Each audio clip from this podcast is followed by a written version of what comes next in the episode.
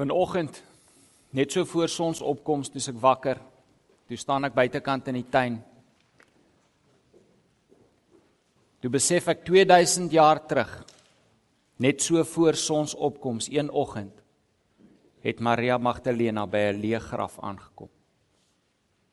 En omdat hy opgestaan het, kan ons vandag sê ons is kinders van die almagtige en lewende God. Amen.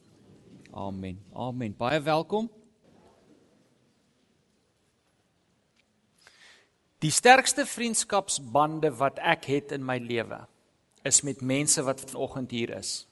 En met een of twee wat nie vanoggend hier is nie want hulle is weg op 'n welverdiende vakansiebreek, né? Nee? Dominee Jan is uh, is in Sedgefield.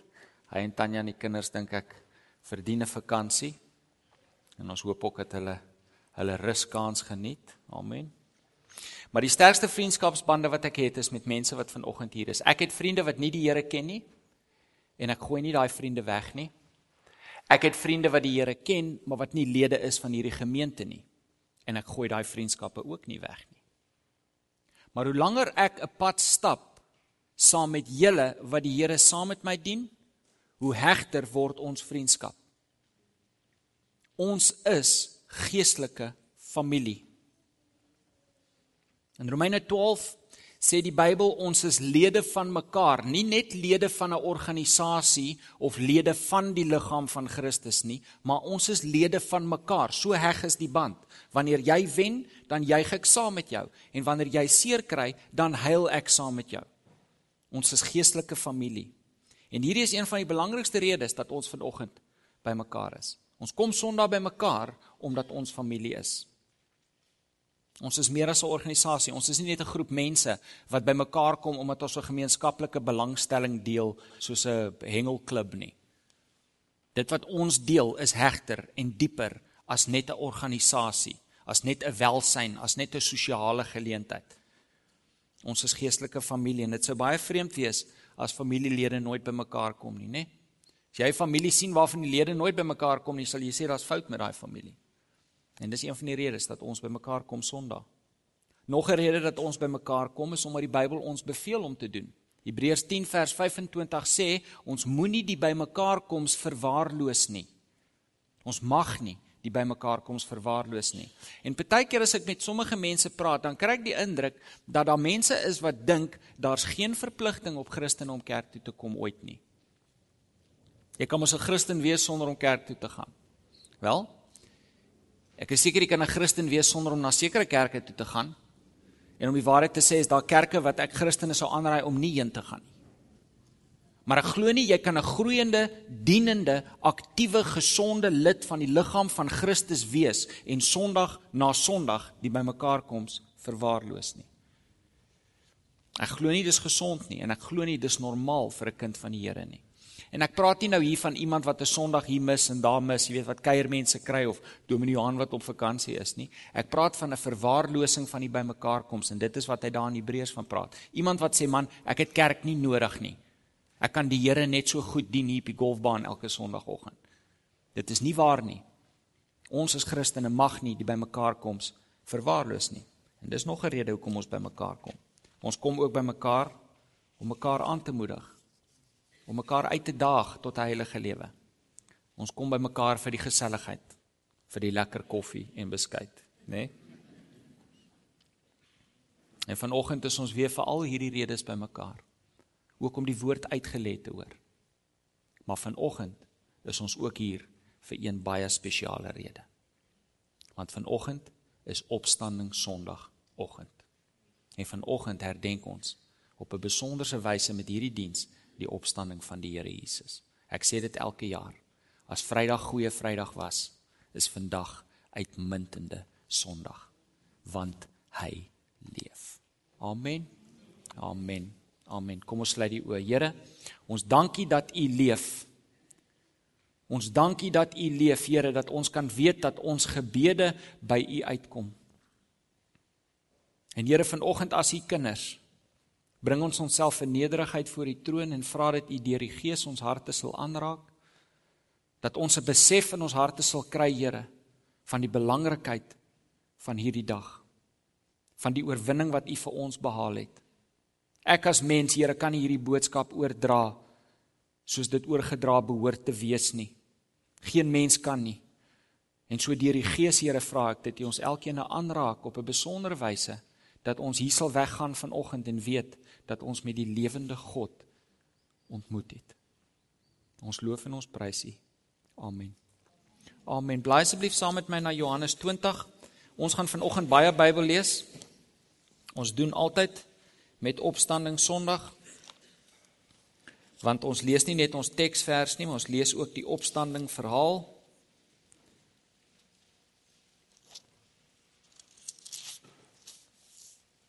Johannes 20 van vers 1 af. Die Sondagmôre vroeg toe dit nog donker was, kom Maria Magdalena by die graf en sien dat die klip van die graf af weggerol is. Sy hardloop toe en gaan na Simon Petrus en na die ander disipel toe vir wie Jesus baie lief was en sê vir hulle, hulle het die Here uit die graf weggevat en ons weet nie waar hulle hom nou begrawe het nie. Daai ander disipel is Johannes self. Hy verwys so na homself in die boek. Petrus en die ander disipel het toe uitgekom en na die graf toe gegaan. Die twee het saam begin hardloop, maar die ander disipel het vinniger as Petrus gehardloop en eerste by die graf gekom. Toe hy vooroor buig, sien hy die doeke lê, maar hy het nie ingegaan nie. Na hom het Simon Petrus ook daar aangekom en hy het in die graf ingegaan. Hy sien toe die doeke daar lê, ook die doek wat om Jesus se kop was. Die doek het nie by die ander doeke gelê nie, maar was eenkant afsonderlik opgerol. Daarna het die ander disipel wat eerste by die graf gekom het, ook ingegaan en hy het dit ook gesien en geglo. Hulle het nog nie die skrif verstaan dat Jesus uit die dood moet opstaan nie. Daarna het die disippels weer huis toe gegaan. Maar Maria het buite by die graf bly staan en huil. Terwyl sy huil, het sy vooroor gebuk om in die graf in te kyk. Toe sien sy twee engele met wit klere aan daar sit waar die liggaam van Jesus gelê het, een waar die kop en een waar die voete was. Hulle vra toe vir haar: "Mevrou, waarom huil jy?" Sy antwoord hulle: omdat hulle my Here weggevat het en ek nie weet waar hulle hom nou begrawe het nie.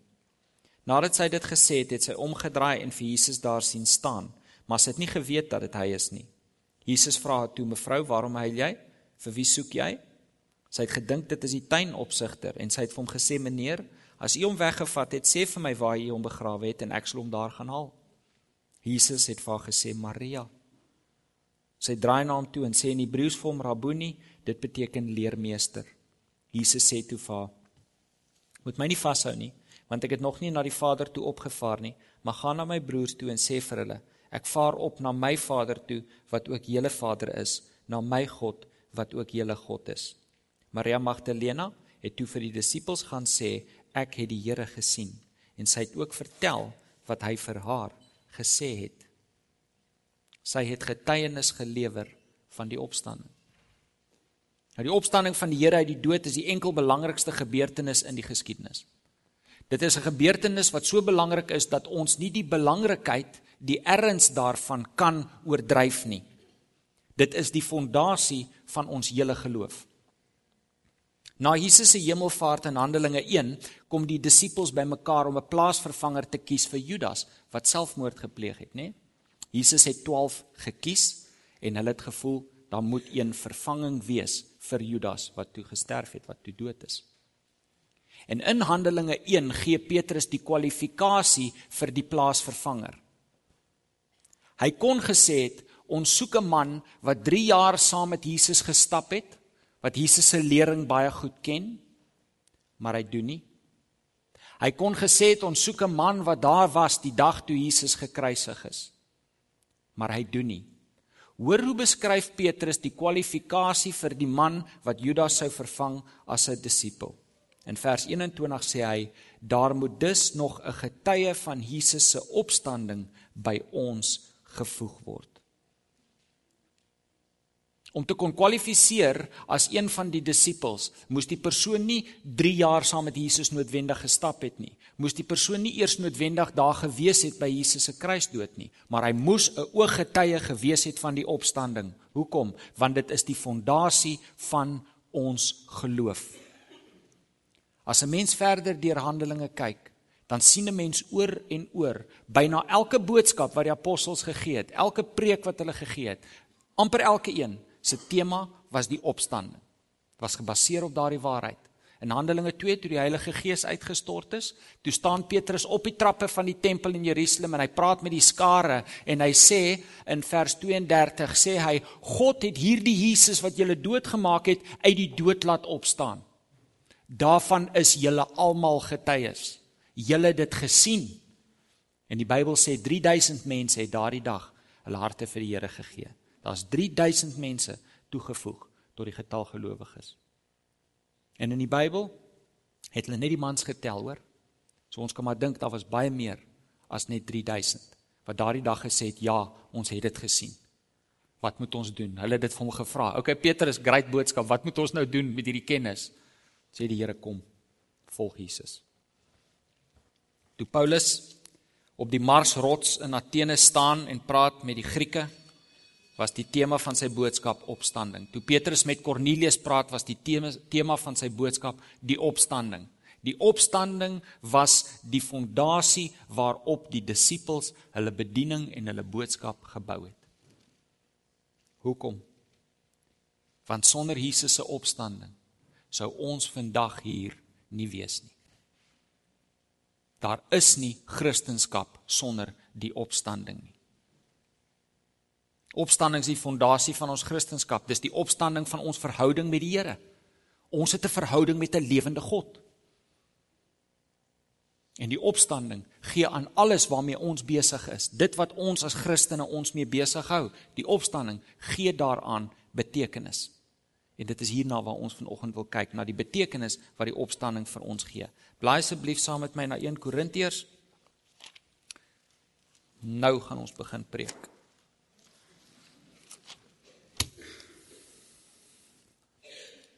1 Korintiërs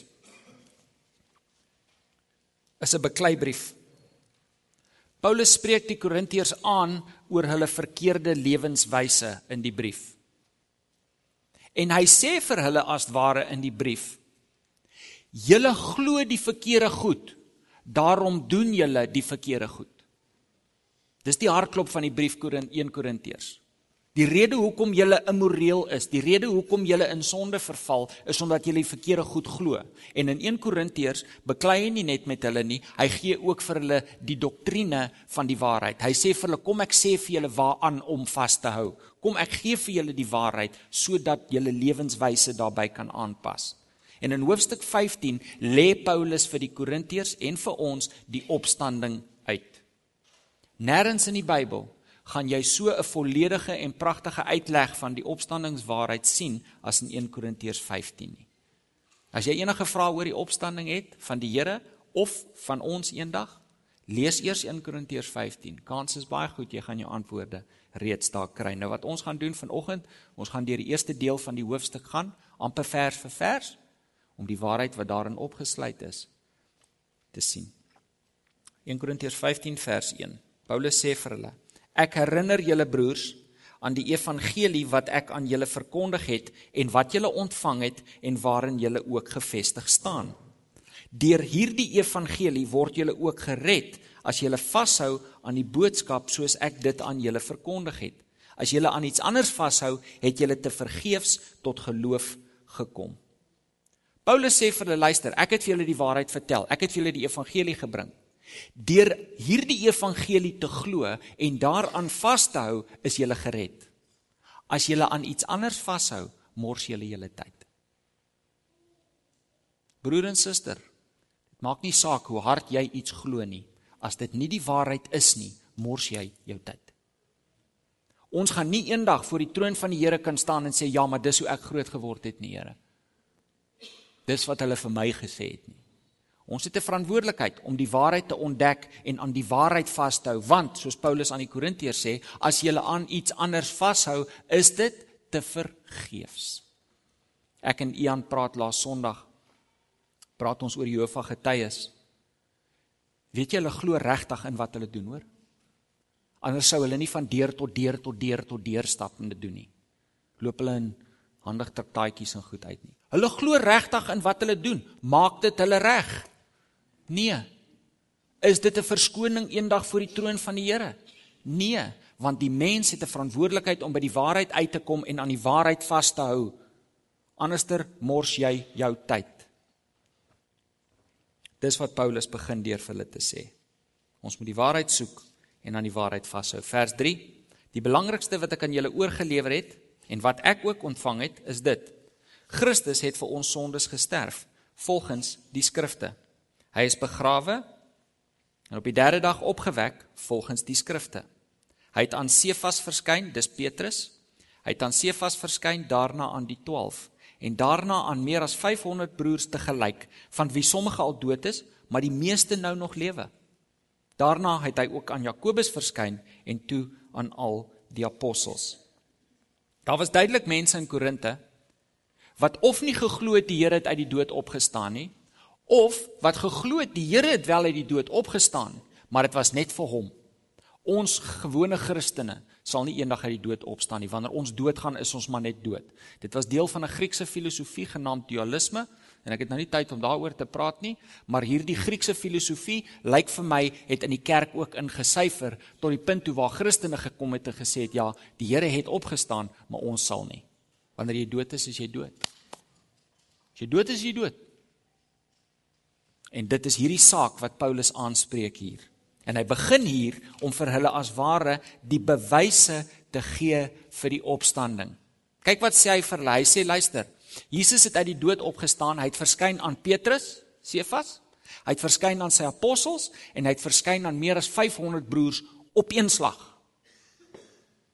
Jesus het verskyn aan sy volgelinge. Dis wat Paulus hier sê. Tweedens sê hy Jesus het ook verskyn aan Jakobus. Nou Jakobus was Jesus se halfbroer. Hulle het dieselfde ma gehad, maar ander paas, né? Nee? En die skrif sê vir ons Jakobus was nie 'n gelowige nie, nie tot Jesus aan hom verskyn het nie. Hy het getwyfel. Hy het nie geglo Jesus is die Messias nie, tot Jesus aan hom verskyn het. So Jesus het verskyn aan sy volgelinge. Eerste bewys. Tweede bewys, Jesus het verskyn aan die twyfelinge. Mense wat getwyfel het dat hy die redder is. Vers 8. Heel laaste het hy ook aan my, die ontydig geborene, verskyn. Ek is immers die geringste van die apostels en is nie werd om apostel genoem te word nie omdat ek die kerk van God vervolg het. Maar deur die genade van God is ek wat ek is. Sy genade aan my was nie te vergeefs nie, inteendeel, ek het harder gewerk as hulle almal. Eintlik was dit nie ek nie, maar die genade van God wat by my is. In elk geval, of dit ek is of hulle, dit wat ons verkondig, dit is wat ons verkondig en dit is wat julle geglo het. Nie net het Jesus aan sy volgelinge verskyn nie, nie net het Jesus aan die twyfelinge verskyn nie, Jesus het selfs aan sy vyande verskyn. En Paulus sê vir hulle, luister, meeste van hierdie mense leef nog. Gaan vra hulle. Gaan vra hulle. Hulle sal vir jou sê, Jesus leef. Hy het verskyn aan sy vyande. Jy kan nog dalk rede hê om te sê sy volgelinge praat nie die waarheid nie, maar ek was sy vyand en ek het hom lewend gesien. Dis sterk getuienis vir die opstanding. Nou daar is steeds mense wat glo die Here het nie opgestaan nie. Daar is steeds mense wat sê dis 'n mite, dis 'n legende, dis 'n opgemaakte storie. Hulle glo nie die getuienis van die opstanding nie. Dit verbaas my dat intellektuele mense, teoloë kan dink dat hierdie nie waar is nie. As jy getuienis sou lewer in 'n hof, dan moet die regter jou getuienis oordeel. En hy kan net een van drie oordeele oor jou getuienis vel. Dink gou mooi. Die eerste oordeel wat hy kan vel is dat jy die waarheid praat. Die tweede moontlikheid is dat jy lieg. En die derde moontlikheid is dat jy die waarheid praat maar jy's regtig misgis. Jy verbeel jou miskien. Dis al drie moontlikhede wat daar is rondom iemand se getuienis. En hier het ons 513 mense ten minste wat gesê het ons het hom lewend gesien plus die 3000 by die trappe. So ons is oor die 3.500 mense wat gesê het ons het hom lewend gesien. So kom ons oordeel daardie mense se getuienis volgens daardie drie moontlikhede. Kan ons dit doen? Kom ons sê hier is 'n hof en ons oordeel hulle getuienis soos in 'n hof. Moontlikheid nommer 1, hulle probeer eerlik wees, maar hulle het regtig hulle verbeel.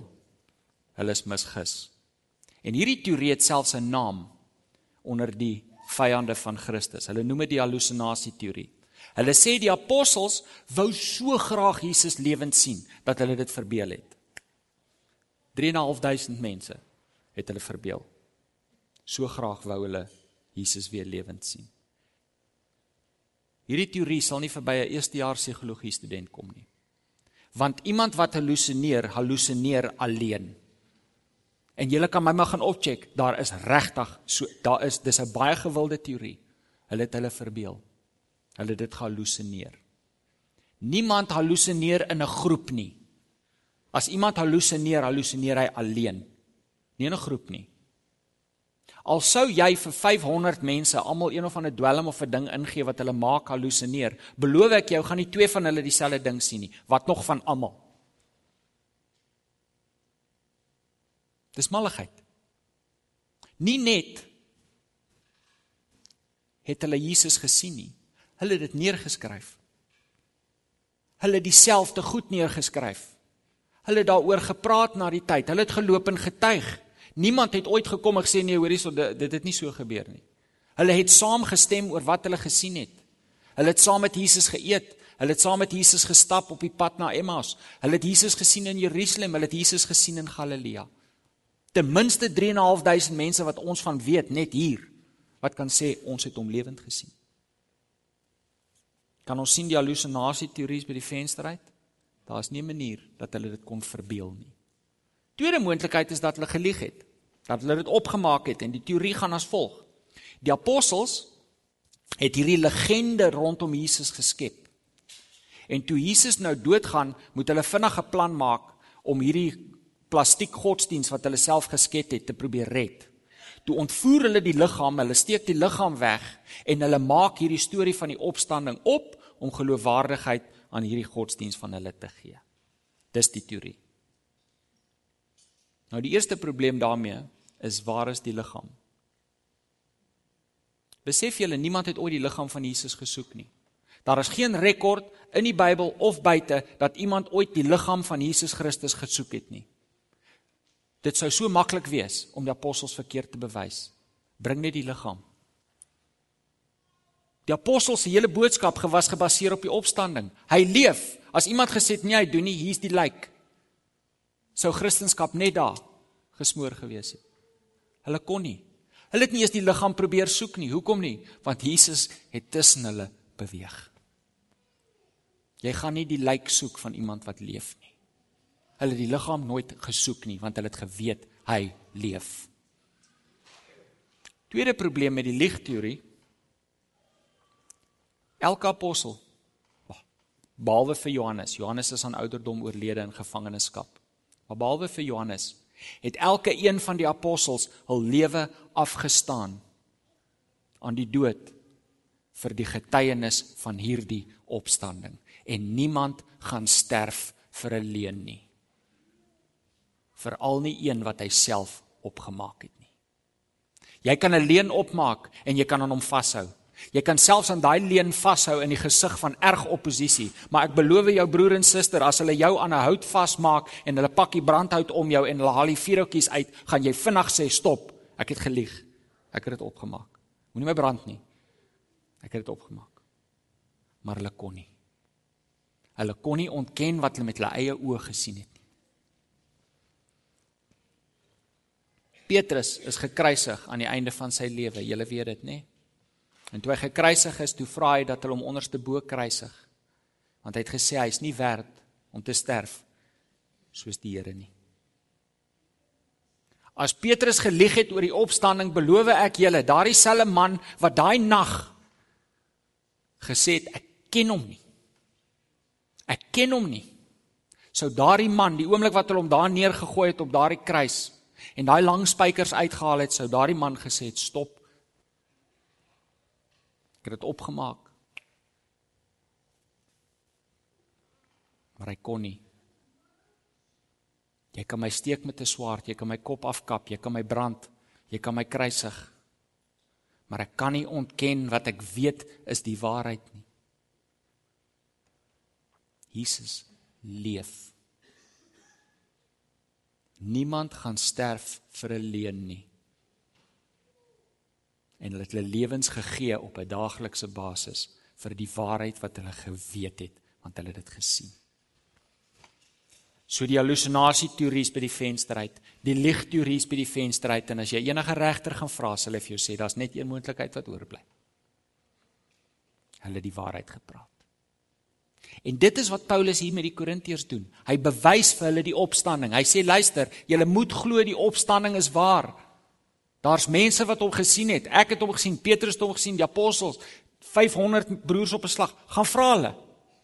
Julle moet weet, broer en suster, ek wil hê jy moet vanoggend weet, die kruisdood van Jesus, die opstanding van Jesus is die waarheid.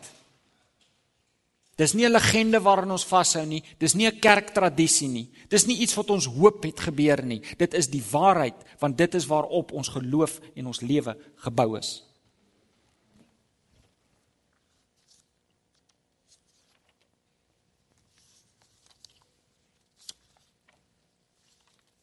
Die opstanding is die waarheid.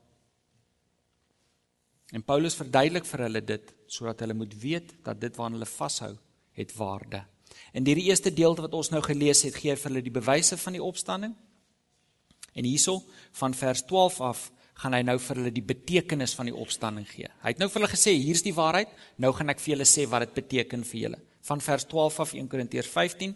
As ons dan verkondig dat Christus uit die dood opgewek is, Hoe kan party van julle nog beweer dat daar geen opstanding van die dooies is nie? As daar geen opstanding van die dooies is nie, beteken dit dat Christus ook nie opgewek is nie. En as Christus nie opgewek is nie, is ons prediking sonder inhoud en is julle geloof ook sonder inhoud. Verder sou dit beteken dat ons vals getuienis oor God afgelê het omdat ons teen God ingetuig het dat hy Christus opgewek het. As dit dan waar is dat die dooies nie opgewek word nie, het hy Christus ook nie opgewek nie. As die dooies nie opgewek word nie, is Christus ook nie opgewek nie. Ons kan sien wat hy doen. Hy sê vir die van julle wat nie glo Jesus is uit die dood opgewek nie, jy mors jou tyd om dan daar by die kerk te wees. Vir die wat glo dat Jesus wel opgestaan het, maar jy gaan nie. As jy dink jy gaan opstaan, hoe gaan jy dit regkry as Jesus nie opgestaan het nie? Hy hy hy speel die twee argumente teen mekaar af amper. Vers 17. En as Christus nie opgewek nie, is julle geloof waardeloos en is julle nog gevange in julle sondes. Sonder die opstanding van die Here Jesus sou nie een van ons gered kon wees nie. Dis wat Paulus hier vir hulle sê. Vers 18 dan is ook die wat in Christus gesterf het verlore. As ons net vir hierdie lewe ons hoop op Christus vestig, is ons die bejammerenswaardigste van alle mense. Maar nou Christus is opgewek uit die dood as eersteling uit die wat gesterf het. Paulus het die bewys gegee, nou gee hy die betekenis. In die res van die hoofstuk verduidelik hy wat die opstanding vir elk van ons beteken. Hy verduidelik dat die opstanding betekenis gee aan dit waarmee ons besig is op die raamwerke. Die opstanding gee betekenis aan nommer ons bediening en getuienis.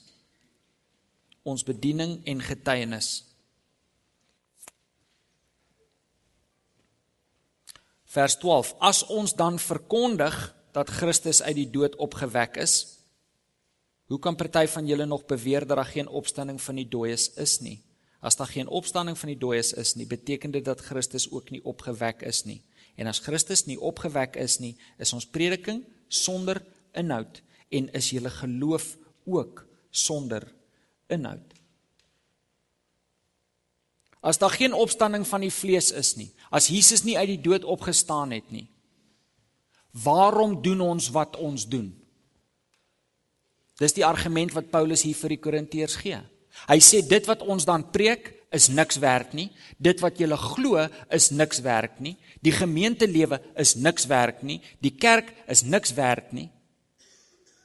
Alles is nutteloos as daar geen opstanding van die dood is nie. Ons is almal besig om ons tyd te mors, die bediening, die kerk, alles, ons mors ons tyd. Kyk na vers 32.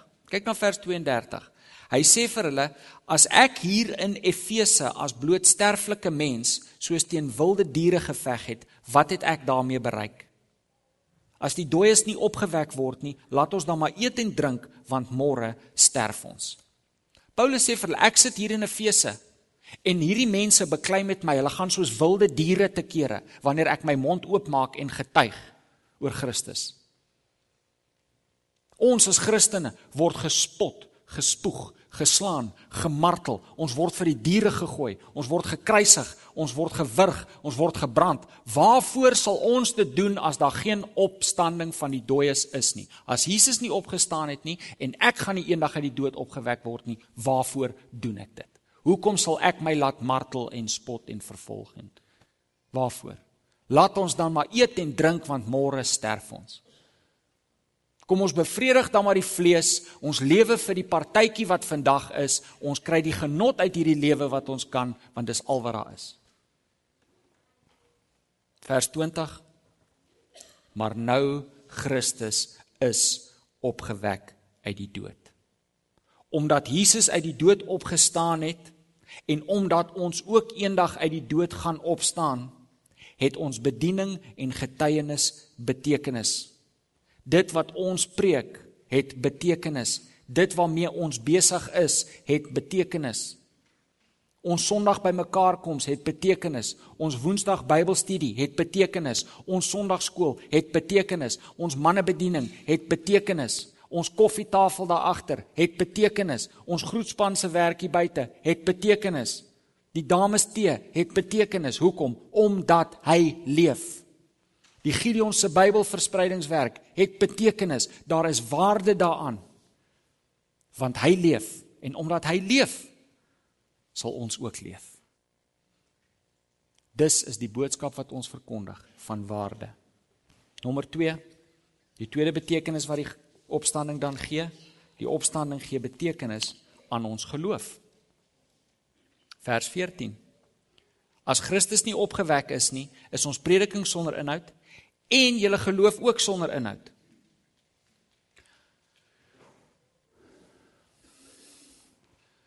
Ek, sê Paulus, sal 'n dwaas wees om 'n boodskap te bring as daar nie 'n opstanding is nie en julle sal dwaase wees om dit te glo.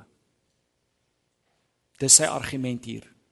Nie net is die prediking sonder inhoud nie, maar die geloof wat daarin geplaas word is ook nutteloos. Om jou geloof in iets te plaas wat nie waar is nie, is nutteloos. Om jou geloof te plaas in die tradisies van mense is nutteloos. Vers 20: Maar nou Christus is opgewek uit die dood. Ons geloof, broer en suster, het betekenis. Want dit wat ons glo, het 'n effek op waar ons die ewigheid gaan deurbring. Weet julle daar's 'n dringendheid by ons as Christene, nê, nee, om die woord van God uit te dra. Daar's 'n dringendheid by ons om te getuig oor wat die Here in ons lewe doen, want ons weet daar's 'n hemel en ons weet daar's 'n hel. En ons weet dat elke mens vir ewig in een van daardie twee plekke gaan deurbring. Amen. Ons geloof het betekenis. In Romeine 10 staan daar As jy met jou mond bely dat Jesus die Here is vers En as jy met jou hart glo dat God hom opgewek het uit die dood, sal jy gered word. Wat is die verskil tussen iemand wat hemel toe gaan en iemand wat hel toe gaan? Net een ding. Dit wat hulle glo. Die verskil tussen iemand wat hemel toe gaan en hel toe gaan is dit wat hulle glo. As jy met jou hart glo. Jesus het gesê hy wat sy geloof in my plaas sal in ewigheid nooit sterf nie. Geloof het betekenis omdat hy leef. Ons geloof het waarde want jou geloof het waarde want dit is die sleutel tot die ewigheid saam met die Here. Jou geloof in Christus is vir jou 'n kaartjie na die paradys in plek van die hel. Jou geloof. Jou geloof het waarde, broer en suster, omdat hy leef die Jehova getuies wat hulle waarde in ek weet nie presies wat hulle hulle geloof insit nie. Ek dink hulle glo hulle verdien hulle eie verlossing op 'n manier. Daai geloof het absoluut geen waarde nie. Om jou geloof te plaas in 'n tweede kans, jy gaan gereïnkarneer word, jy gaan terugkom as 'n wurm en weer 'n kans kry om dit reg te doen. Daai geloof het geen betekenis nie, hy het geen waarde nie, hy doen vir jou niks. Om jou geloof in Allah te plaas beteken niks. Dit het geen waarde om vir jou enigiets te vermag nie. Dit maak nie saak hoeveel keer 'n dag jy 'n mat soen nie. Dit kan nie vir jou by die hemel inkry nie. Ons geloof het betekenis. Ons geloof het waarde want wanneer ons ons geloof in die Here Jesus Christus sit, dan word die hemelse poorte as ware vir ons oopgesluit. En nommer 3 die opstanding gee betekenis aan die ewigheid. Vers 20 Maar nou Christus is opgewek uit die dood as eersteling uit die wat gesterf het. Christus is die eersteling uit die wat gesterf het. Wat dit beteken is net soos wat Jesus uit die dood opgestaan het, gaan ons eendag uit die dood opstaan. Net soos wat Jesus 'n verheerlikte liggaam ontvang het, sal ons eendag 'n verheerlikte liggaam ontvang. Net soos Jesus by die Vader in die hemel is, sal ons eendag by die Vader in die hemel wees. Hy is die eersteling. Hy eerste, dan volg ons. Johannes 11: Elkeen wat in my glo, sal in alle ewigheid nooit sterf nie omdat Christus vir ons die oorwinning behaal het, omdat Christus die volle prys betaal het vir ons sonde, sal ons vir ewig leef in sy teenwoordigheid. Wanneer ons ons geloof in hom plaas, het ons geloof waarde. Paulus in hierdie hoofstuk gee die bewyse vir die opstanding. Hy gee vir hulle die betekenis van die opstanding. En die hoofgedagte wat hy werklik in hierdie boek het, is dat jou verkeerde geloof gaan lei tot verkeerde aksies. As jy die verkeerde goed glo, gaan jy verkeerd optree. So hy gee vir hulle die waarheid om aan vas te hou aangaande die opstanding hier in hoofstuk 15 en hy sluit die op die hoofstuk af. Kyk saam met my. Hy sluit die hoofstuk af vers 54. Hy verduidelik alles omtrent die opstanding, né? Nee? Hy gee vir hulle die opstanding waarheid en hy sê dan: En wanneer hierdie verganklike liggaam met die onverganklike beklee is, en hierdie sterflike liggaam met die onsterflike, dan sal die woord wat geskrywe staan vervul word. Die dood is vernietig, die oorwinning is behaal. Dood, waar is jou oorwinning? Dood, waar is jou angel? Die angel van die dood is die sonde en die sonde kry sy krag uit die wet van God. Maar ons dank God dat hy aan ons die oorwinning gee deur ons Here Jesus Christus. Ons dank God dat hy aan ons die oorwinning gee deur die Here Jesus Christus. Daarom, liewe broers, nou as jy in die Bybel ooit sien daarom, moet jy jouself afvra waarom. Daarom, waarom? Omdat as gevolg van alles wat ek nou gesê het. Paulus sê julle ken nou die waarheid. Julle weet nou Jesus het opgestaan. Julle weet wat die opstanding beteken. Julle weet wat julle geloof beteken. Julle weet wat die bediening beteken. Daarom, liewe broers, Wees standvastig. Wees onwankelbaar. Wees altyd oorvloedig in die werk van die Here. Hoekom? Omdat jy weet dat jou inspanning in diens van die Here nie te vergeefs is nie. Hy sluit die hoofstuk af en sê luister. Jesus leef. Jy gaan ook vir ewig leef saam met hom. Daarom wees onwankelbaar. Wees standvastig. Wees oorvloedig in die werk van die Here. Hou jou besig met goed wat ewigheidswaarde het. Maak vir jou skatte bymekaar waar die dief en die mot en die roes dit nie kan verteer nie. Omdat hy leef, het my lewe betekenis. Omdat hy leef, het jou geloof betekenis. En omdat hy leef, kan ons hier weet dat ons vir ewig in die paradys saam met die Here Jesus sal leef. Hy is die eersteling uit die dood. Amen. Amen. Kom ons sluit die oë. Here Jesus, U woord daag ons uit om 'n heilige lewe te lei. U woord daag ons uit om standvastig te staan, om oorvloedig te wees in U werk, om vir ons skatte bymekaar te maak in die hemel, Here, waar dit saak maak, waar daar ewigdurende waarde is aan wat ons doen. Maar u woord gee ook vir ons die troos, die hoop, die gerusheid, Here, om te weet dat ons kan uitsien na 'n ewigheid saam met u. 'n Ewigheid van vreugde, 'n ewigheid van vrede. Ons loof en ons prys u vir die oorwinning wat u behaal het. Amen. Amen. Amen. Kom ons staan en loof die Here vir die oorwinning wat hy behaal het.